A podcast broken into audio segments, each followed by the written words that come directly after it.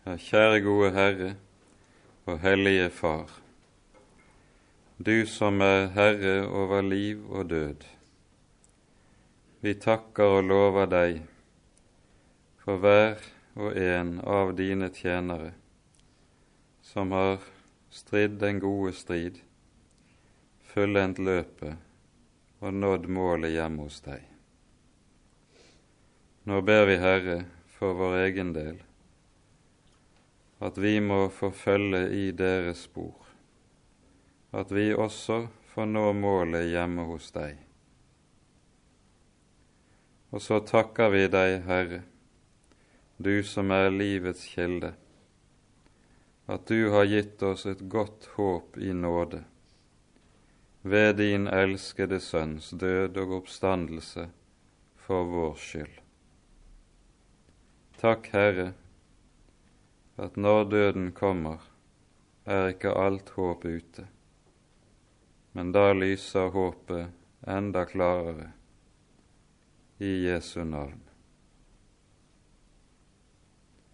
Så legger vi oss selv, Herre, og alt vårt denne kvelden frem for deg, og ber deg være hos oss med din Hellige Ånd. Gi lys i dine dyrebare ord, og åpenbar ditt hellige navn for oss,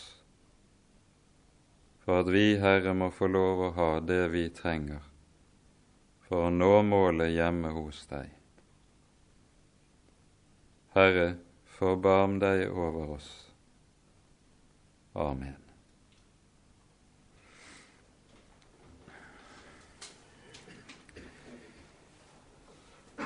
Vi skal altså fortsette i det tredje kapittelet i dag.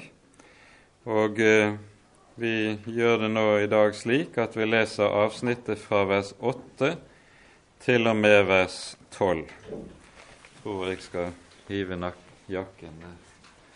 Det er varmt og godt her.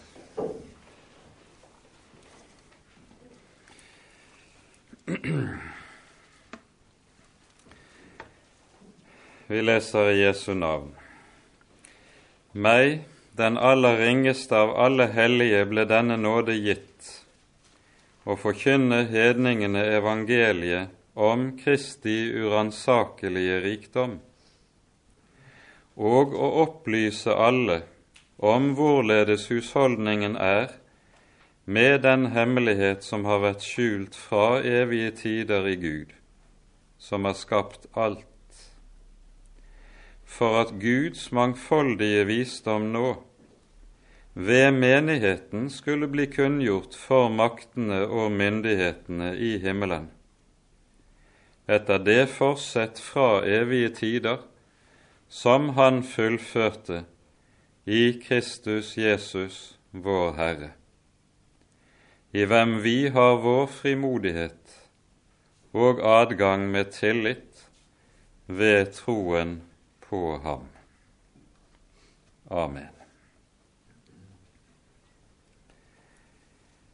Vi er altså her inne i et avsnitt som eh, begynner med det ellevte verset i det foregående kapittel, og der Paulus taler om den hemmelighet i evangeliet, nemlig at hedningene også har del med i arven og skal være, få lov til, i ordets fulle mening, være ett med alle de løfter som det jødiske folk har fått i den gamle pakt.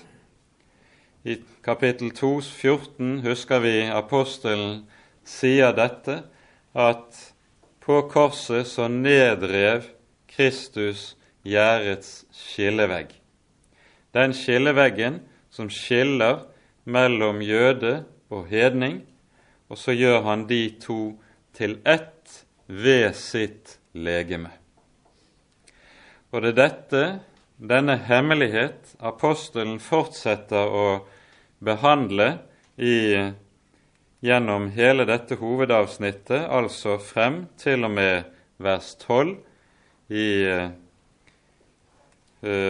det tredje kapittelet, hvorpå han i det neste verset går over til å be for menigheten. Og Nå skriver altså apostelen her om seg selv og kaller seg selv 'meg, den aller ringeste av de hellige'. Ble det gitt denne nåde å forkynne, osv. Dette er en måte Paulus omtaler seg selv på ved flere anledninger.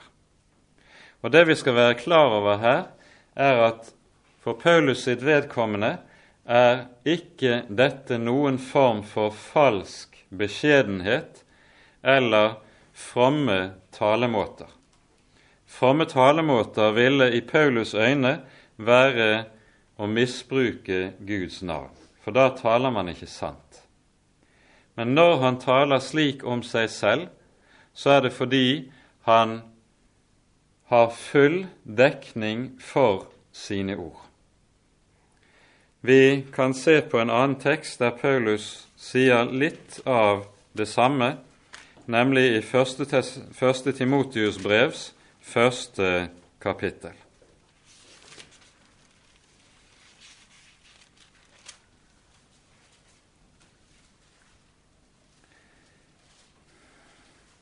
Her står det slik i det femtende verset. Det er et troverdig ord og fullt verd å motta at Kristus Jesus kom til verden for å frelse syndere, og blant dem er jeg den største. I Fesane 3 kaller han seg den minste av alle hellige, her den største av alle syndere. Og Det som er bakgrunnen for at Paulus omtaler seg selv slik, det ser vi ikke minst i vers 12 og 13 her i 1. Tim 1. Her sier Paulus først, jeg takker Ham som gjorde meg sterk, Kristus Jesus var Herre, at Han aktet meg tro i det Han satte meg til tjenesten meg som før var en spotter og forfølger og voldsmann. Men jeg fikk miskunn fordi jeg gjorde det i uvitenhet. Det er helt tydelig ut fra både dette verset og det vi leser også i andre sammenhenger når Paulus taler om seg selv, at minnet om at han har forfulgt Kristi menighet, det er noe som har ligget på ham og plaget ham og forfulgt ham hele livet igjennom. Det er liksom ikke slik med den synd og den motstand og forherdelse som lå bakom dette, at det liksom var noe som han glatt la bakom seg, for, og så var han liksom ferdig med den saken. Men det ser ut til at gjentatte ganger i løpet av livet så kommer dette tilbake til ham, ligger på ham og plager ham. Jeg har forfulgt Kristi menighet, kastet menigheten i fengsel, vært medansvarlig ved både Stefanus' død og antagelig også flere andre troendes død.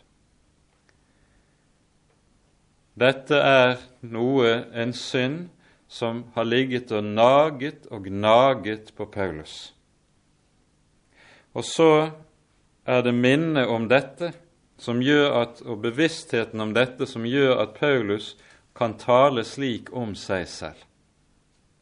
Det er ingen synd som har vært større, slik som han tenker det, enn nettopp det å ha vært en forfølger av menigheten, og med det drapsmann og voldsmann.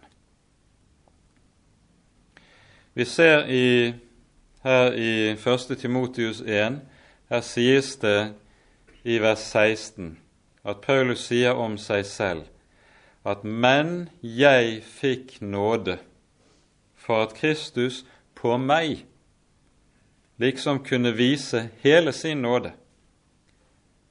Og så er det en anskuelsesundervisning når han reiser og skal forkynne evangeliet. Kan nemlig en synder som han får nåde, da kan alle syndere få nåde. Da er det ingen synd som er så stor, da er det ingen synder som har falt så dypt at han ikke kan få nåde. Kunne Paulus få det, da kan ethvert annet menneske også få nåde.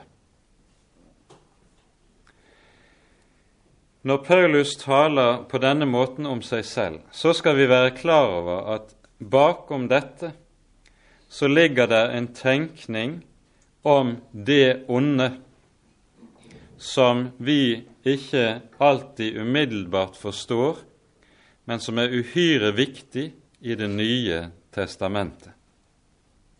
Nemlig det at mennesket blir aldri så ondt som når det, kjempe, det mener seg å kjempe for en god sak. Dette er jo noe vi ser gjennom hele historien bevises på ny og på ny. De som kjemper for gode saker, det er de som blir massemordere. De som skulle gjennomføre kommunismen og realisere paradis på jorden med det, dets utopier som ligger i denne ideologien. Større drapsmenn kjenner ikke historien enn nettopp disse. En Lenin og en Stalin de kjemper for den gode stak, og så blir de onde. Vi ser det samme i terroren som plager vår verden i de årene som vi lever i, Alt sammen bedrives av mennesker som mener seg å kjempe for noe som er godt. De kjemper for det gode, for sin Gud og for Guds folk. Slik tenker de. Men nettopp ved det gjør de det som er aller mest ondt. I dette ligger det som er fariseismens grunnproblem. Fariseeren ble Kristi motstander. Hvorfor? Fordi han nettopp mente ut fra seg selv å kunne være og virkeliggjøre det gode. Og så ble han Guds motstander, den som henrettet sin Gud på et kors. Mennesket blir aldri så ondt som når det mener seg å kjempe for det gode. Og Dette skal vi være klar over, for det er i dette, og det er dette som er bakgrunnen for Jesu tale om, slik som vi hører det i Johannesevangeliets tredje kapittel, nødvendigheten av den nye fødsel. Nikodemus kommer til Jesus som nettopp representant for fariseeren, som har satt hele sitt liv inn på å virkeliggjøre det gode, nemlig Guds hellige lov. Hele livet har dette som sitt mål å oppfylle loven. Og så sier Jesus til ham, uten at et menneske blir født på ny, kan han ikke se Guds rike. Når det gamle mennesket prøver å etterleve loven, så kan det bli slik at det ytre sett virker godt, men det blir ondt. Derfor sier Jesus det må en ny fødsel til. Uten at du blir født på ny, kan du ikke se Guds rike. Når det gamle mennesket prøver å virkeliggjøre det gode, blir altfor ofte det onde resultat av det.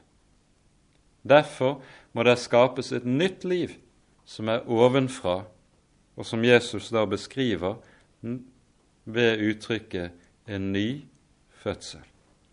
Det som er født av kjødet, er kjød. Det som er født av Ånden, er ånd. Og så skjønner vi hvorfor Paulus med dette i bakgrunnen kan tale om seg selv på den måten som han gjør det. Han er den største av alle syndere, og det er ikke bare en talemåte. Han har sett seg selv nettopp som en slik som gjorde det onde, mens han mente seg å tjene Gud. Han er den minste av alle de hellige. Og nettopp som denne så vet han også noe ganske bestemt om seg selv. Det er ingen som trenger Guds nåde mer enn jeg. Ikke fylliken i rennesteinen, ikke horen på bordellet, ikke alle disse som vi kaller store syndere. De trenger også nåde. Visselig gjør de det, men Paulus vet om seg selv jeg trenger det enn mer. Jeg er den største av alle syndere. Og Derfor er det også slik at den som ser på seg selv som den minste, han er den som mer enn noen trenger evangeliet. Og da skjønner vi òg, ut fra det vi her leser, det er den som trenger evangeliet mest, som også kan forkynne evangeliet best. Evangeliet er for Paulus ikke noe han kan og behersker fordi han kan teologi og er en stor, ja, en fremragende teolog. For det er han òg.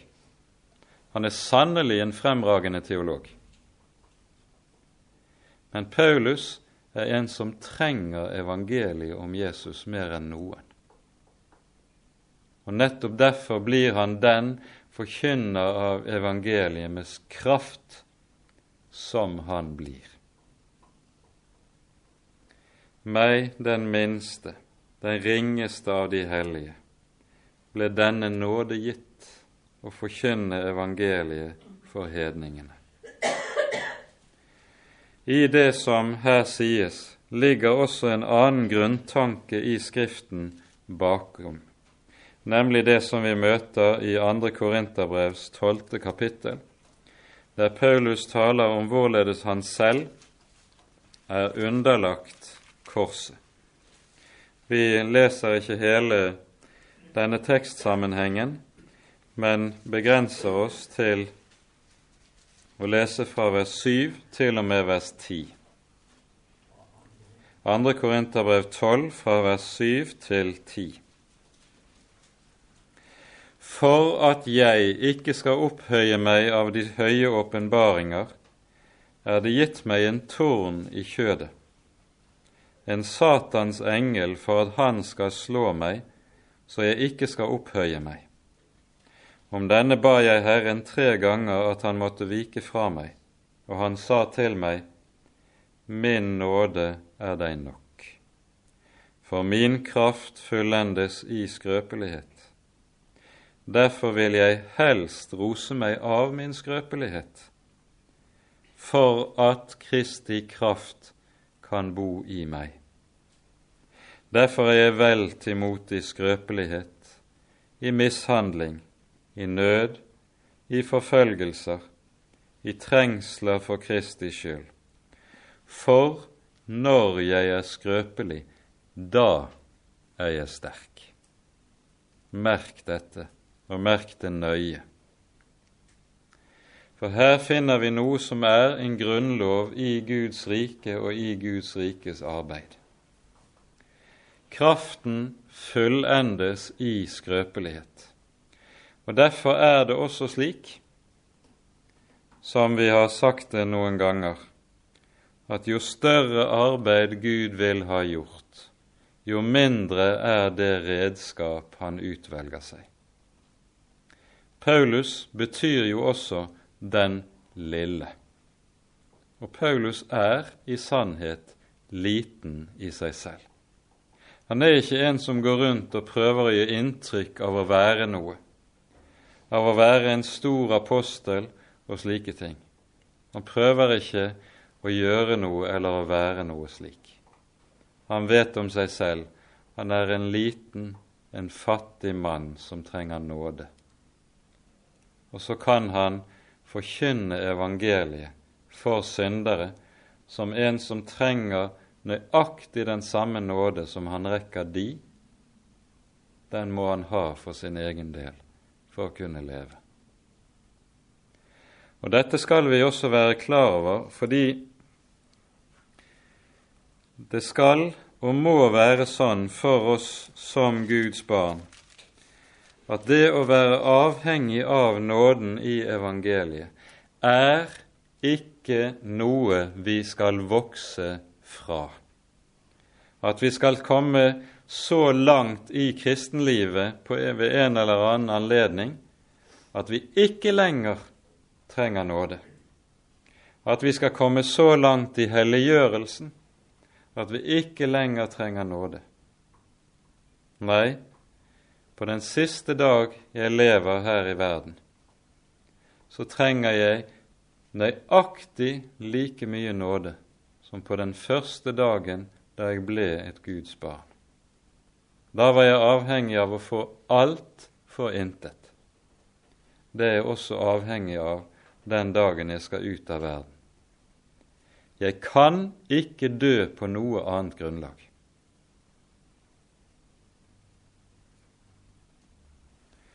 Slik er det Paulus lever, og slik er det han tenker om seg selv. Og så sier han altså om sin tjeneste, meg den ringeste av alle hellige, ble denne nåde gitt å forkynne hedningene evangeliet. For han var det å bli satt til å forkynne evangeliet, det var nettopp nåde. Det var ikke en stor oppgave han ble satt fore. Det var en nåde. For han vet at det evangelium som han bærer frem for sine tilhørere, det er det som er hans egen mat. I det åpenbares for tilhørerne, så åpenbares det også for ham selv. Og så er Paulus en som altså ikke bare forkynner evangeliet for andre, men når han taler, så må han også tale det til sitt eget hjerte. Slik skal en rett predikant og forkynner alltid forkynne. Tale til sine tilhørere i bevisstheten om at jeg trenger dette minst like mye som de som sitter under talerstolen. Og da blir tjenesten med Guds ord nettopp det å stå i nåde. Det er meg en nåde å få lov til å stå, stå slik. Nå hører vi hva forkynnelsen handler om, og Paulus understreker dette igjen. Hva er det evangeliet egentlig dreier seg om? Han sier evangeliet er et evangelium om Kristi uransakelige rikdom. Legg merke til det uttrykket som apostelen her bruker for å beskrive evangeliet.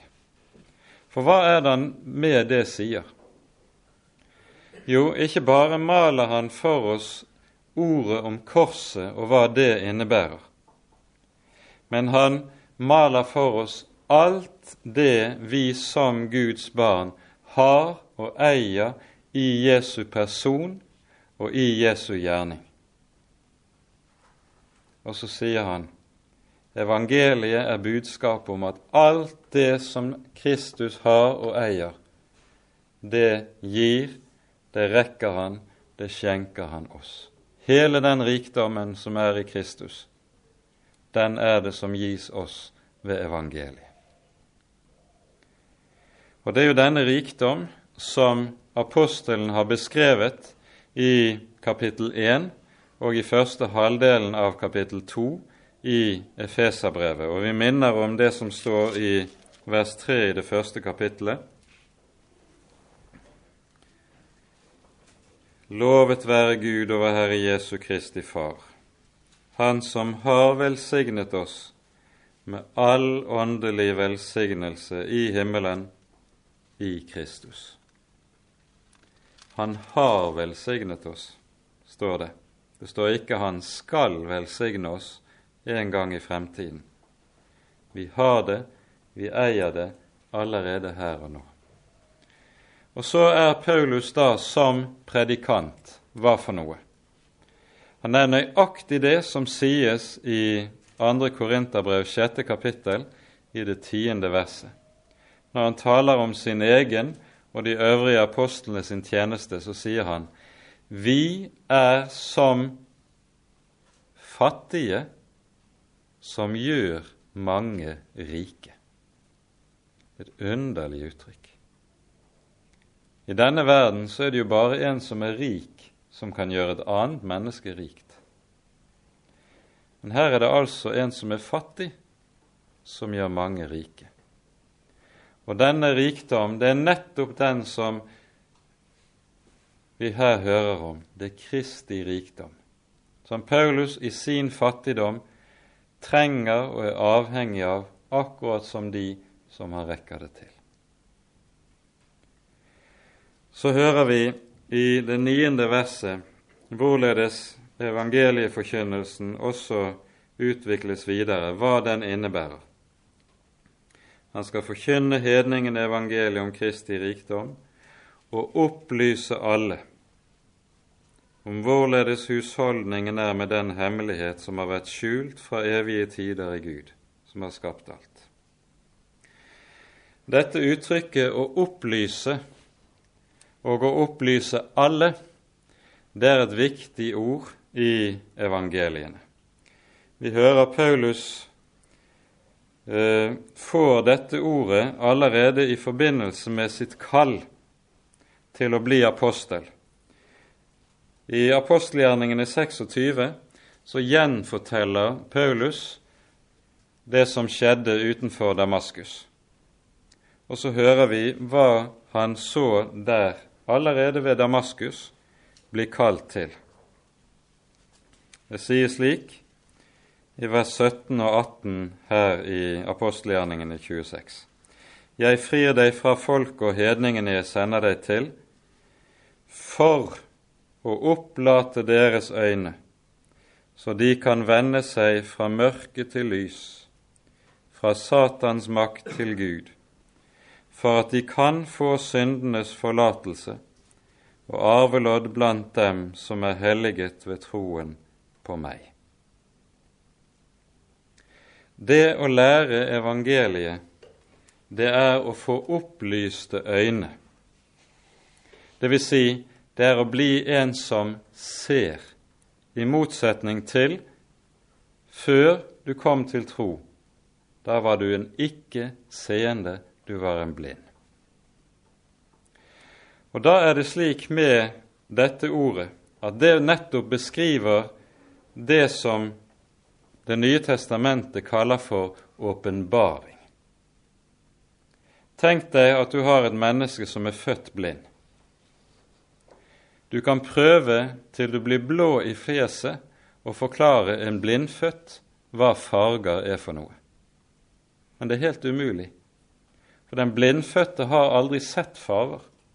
Han har ikke begrep om hva det er for noe, og derfor aner han ikke hva du snakker om. Du må ha syn for å se det. Du må bli seende. Og nettopp det er det som skjer med evangeliet. Evangeliet er det som gir åpenbaring, slik at den som før var blind, begynner å se. Du kan ikke forklare det.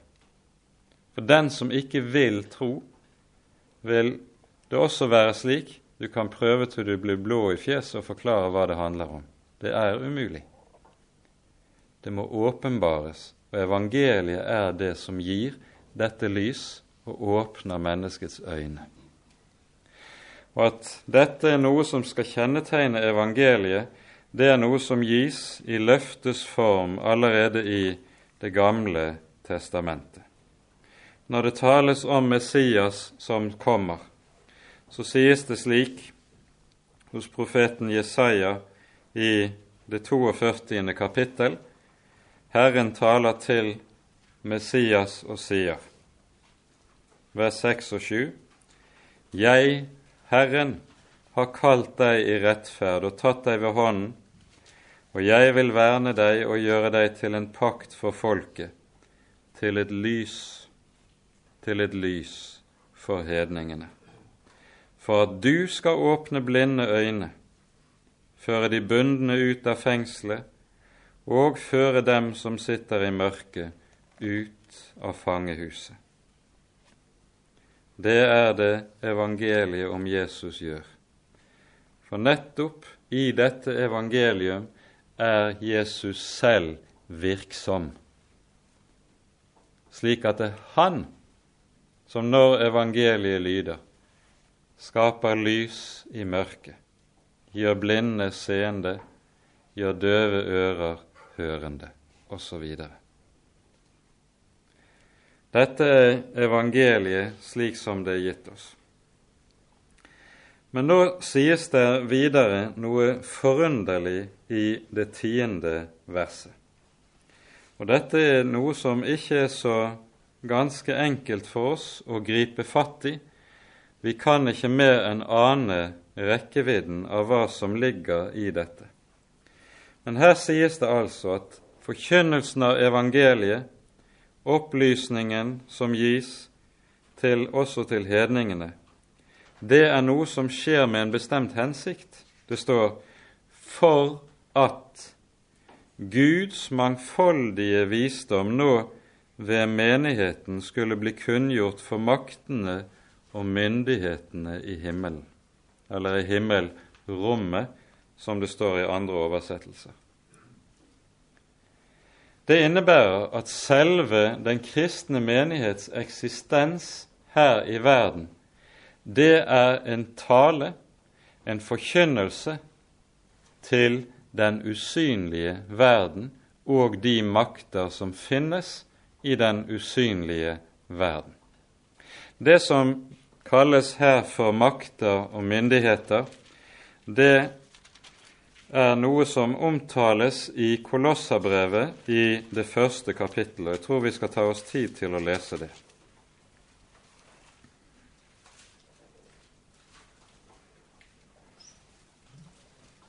Kolossene 1, og vi leser vers 15 og 16. Her tales det om hvordan Herren Jesus, fordi han er person i Gud, er den som er midler i skapelsen. I ha, det sies om ham. Han er et bilde av Gud den usynlige, den førstefødte fremfor enhver skapning. For i ham er alle ting skapt, de i himlene og de på jorden, de synlige og de usynlige, enten det så er troner eller herredømmer eller makter eller myndigheter. Alt er det skapt ved ham og til ham. Disse siste fire uttrykkene, troner, herredømmer, makter og myndigheter, det er uttrykk som alle beskriver ulike slags englefyrster og englemakter som er i den himmelske verden. Bibelen lærer oss ikke mye om dette, og det gir slett ikke noen systematisk undervisning om denne sak. Vi finner kun antydninger om disse ting ulike steder spredt omkring i Den hellige skrift. Men det vi ser, er at i den usynlige verden for Guds trone så er det ulike slags engler, makter og vesener, som har ulik makt, ulik rang, ulik oppgave og kall og tjeneste.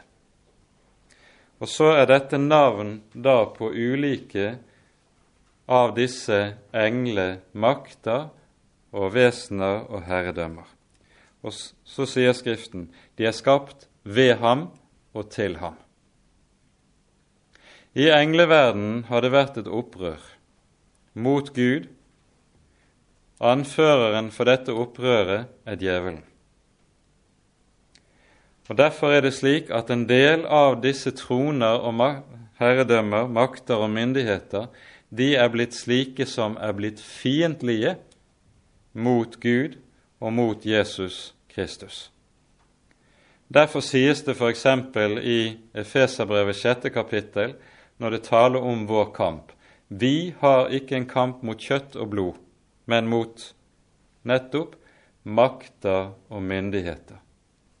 En helt avgjørende del av den kristne striden er nettopp en åndskamp der vi nettopp står i kamp altså med disse krefter. Nå sies det en underlig sak om disse makter og myndigheter, enten de nå så å si er engler som står på Guds side, eller det er de krefter som står på djevelens side og er blitt dratt med i hans fall. I 1. Peters brev 1 står det slik.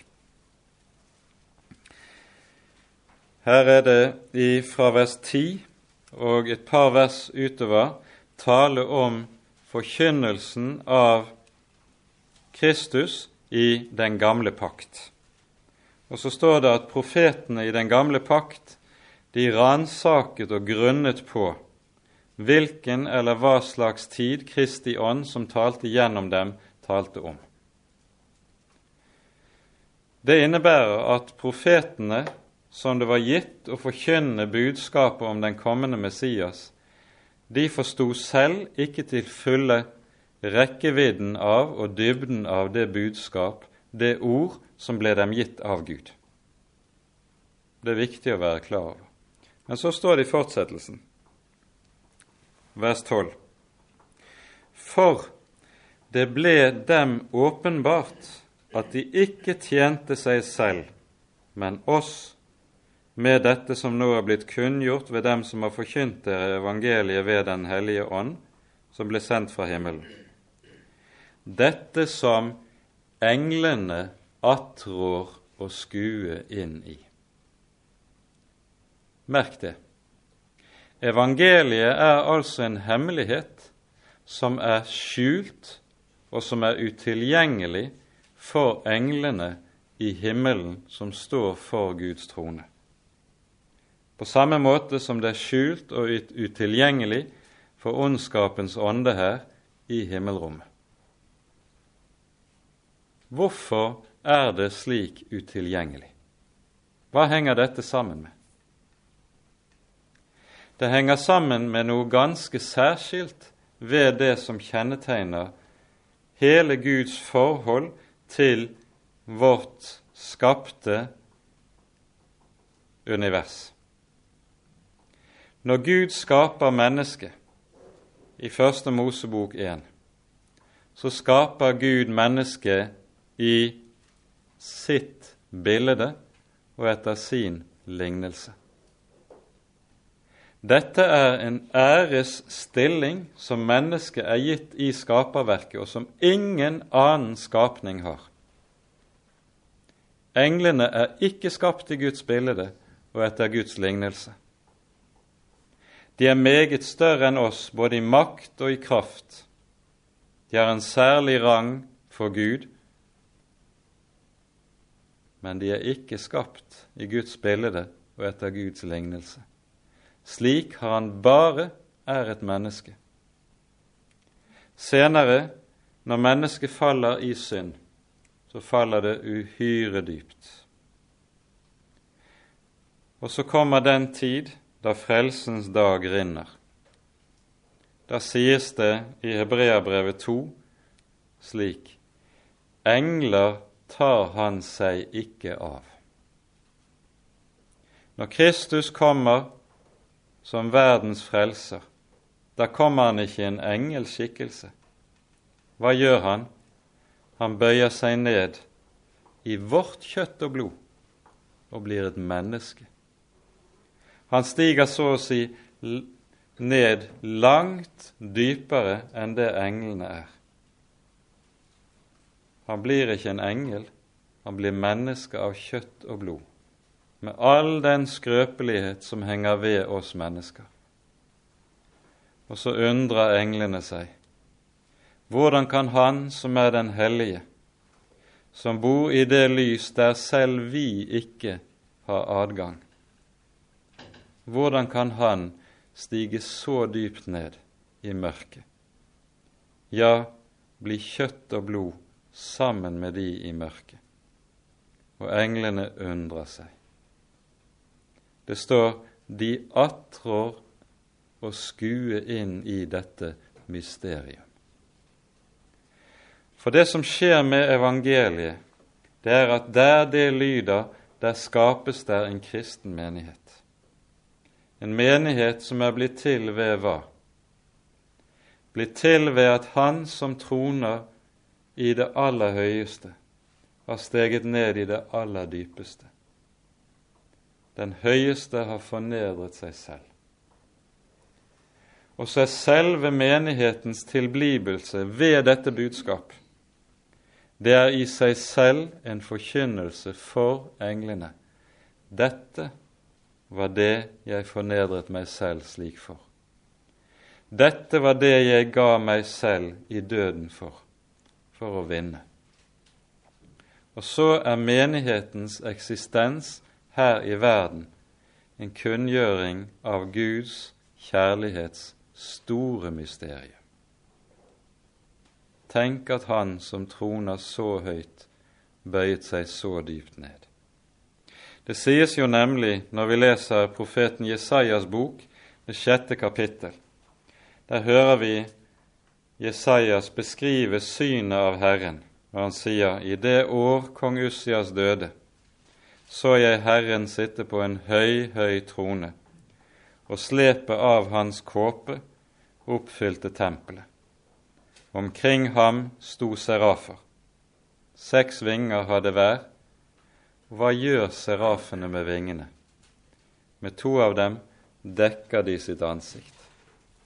De kan ikke se den evige Gud, så å si, ansikt til ansikt. Selv de som er rene for synd, som aldri har falt ned i mørket, selv de som er som ild for Guds trone, selv de kan ikke se ham ansikt til ansikt og må dekke sitt ansikt for hans herlighetslys.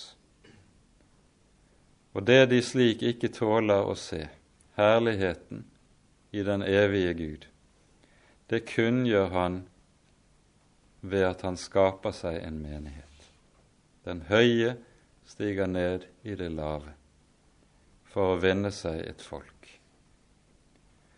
Og så er det slik at det altså kunngjøres en sannhet for maktene og myndighetene. Det var ikke for engler han døde, det var for syndere. Det var ikke englers skikkelse han kom, han kom i vårt kjøtt og blod.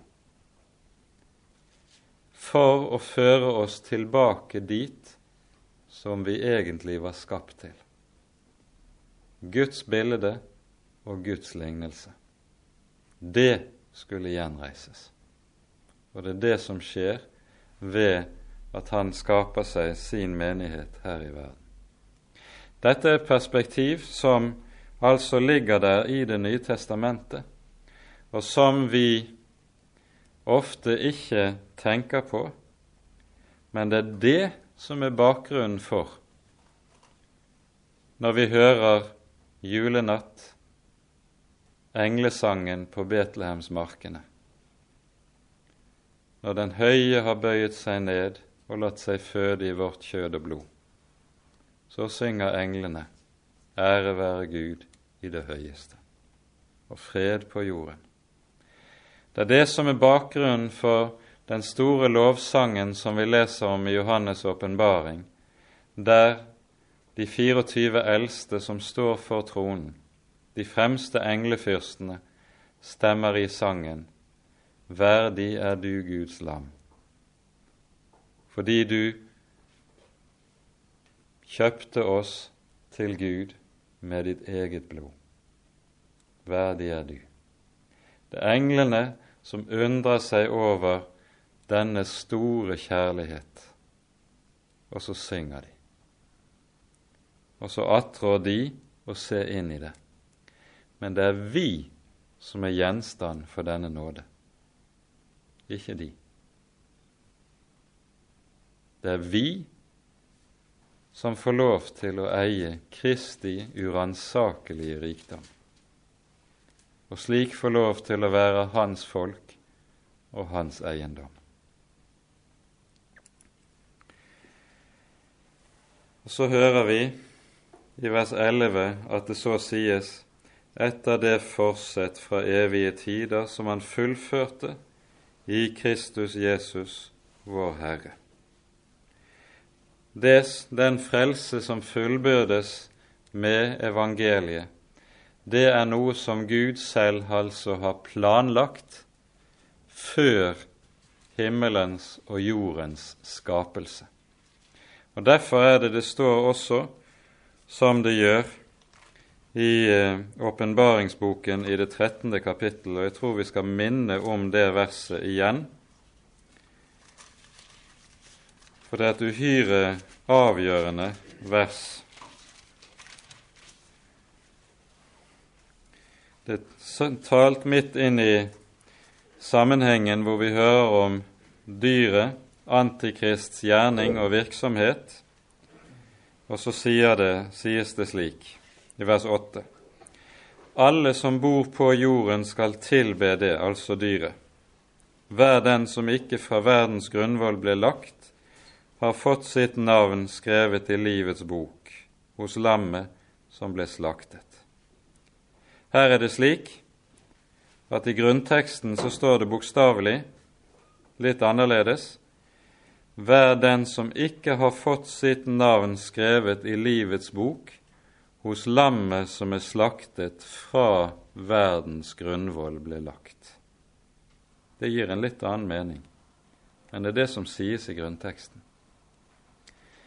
I Guds råd er Guds lam slaktet fra verdens grunnvoll ble lagt hvilket innebærer at den evige Gud, han regner med Kristi gjerning og Kristi offer for vår skyld, helt fra skapelsens morgen av.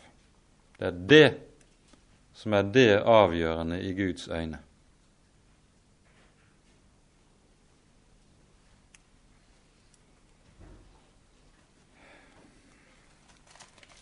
Så avslutter Paulus som vi hører det i vers 12. I hvem vi har vår frimodighet og vår adgang med tillit ved troen på ham. Ordet frimodighet er uhyre viktig. Jeg tror jeg får lov til å si at dette er et av de bibelversene som jeg ofte har talt over i forbindelse med gravferd. For hvis vi stiller spørsmålet hva er det som gjør et menneske redd for døden, så vet vi litt av svaret. Det er bevisstheten om at bakom død og grav skal jeg møte min dommer. Han som hvis øyne er som en brennende ildslue. Han for hvem ingenting er skjult. Han skal jeg møte og så skal jeg svare regnskap for han. Og I møte med bevisstheten om dette så kan vi sannelig beve noen enhver når vi står overfor døden. Det er det som mer enn noe skaper angst overfor døden. Og denne dødsangst, den er jo noe som også kan ri selv et troende menneske som har vandret med Herren i alle år, og ikke bare slike som er fremmede for Gud og er uten håp i verden. Og da blir spørsmålet har jeg det jeg trenger for å møte døden med, til å møte min dommer med, slik at jeg kan tre frem for ham uten angst og uten beven. Da er det evangeliet forkynner. Det er det Gud har gitt deg i Jesu person og i Jesu navn. I Hans navn skal du få lov til å dø med løftet hode og med stor frimodighet. I Hans navn behøver du ikke å frykte den dagen døden er der. Han står der i ditt sted. Det han har gjort, det gjelder for din skyld. Og så kan du ha frimodighet. På samme måte sies det her i hvem vi har vår frimodighet og vår adgang. Adgang inn for tronen, adgang inn for Gud. Jesus sier om seg selv i Johannes 10.: Jeg er døren. den som går inn gjennom meg, han blir frelst. Jesus er adgangen. Det er nemlig slik, og dette er jo det som er selve grunnsannheten i Bibelen, at etter syndefallet så ble veien, så ble adgangen til Gud stengt. Adam og Eva ble vist ut av hagen, og så satte Gud kirubene med de luende sverd ved inngangen til hagen for å vokte veien til livets tre. Veien er stengt. Det som skjer når Jesus kommer, når Jesus blir sendt, det er at veien åpnes igjen. Muren var lukket, nå åpnes det en dør. Og Går du gjennom den døren, da har du adgang. Prøver du å finne vei andre veier, så er det en mur. Alt er stengt. Men i Jesus er veien åpnet. Og Det er jo dette som er bakgrunnen for det som skjer når Jesus ånder ut på korset. Da hører vi at forhenget i tempelet revner fra øverst til nederst. For hva var det som var avbildet på forhenget? Hva var det som stengte veien inn til det aller helligste, inn til Guds trone i himmelen? Det som var avbildet for forhenget, det var nettopp kjerubene med det luende sverd. Og så er det det forhenget, der dette bildet er, som revner. Og så anskueliggjøres det for oss. Nå er veien åpnet. Nå er det ikke lenger stengsel. Nå er det gitt vei for oss inn i det aller helligste. Derfor er det vi leser som vi gjør i Hebreabrevet i det tiende kapittelet, som nettopp knytter an til det som sies om forhenget i evangeliene. Hebreerne 10, vi leser fra vers 19.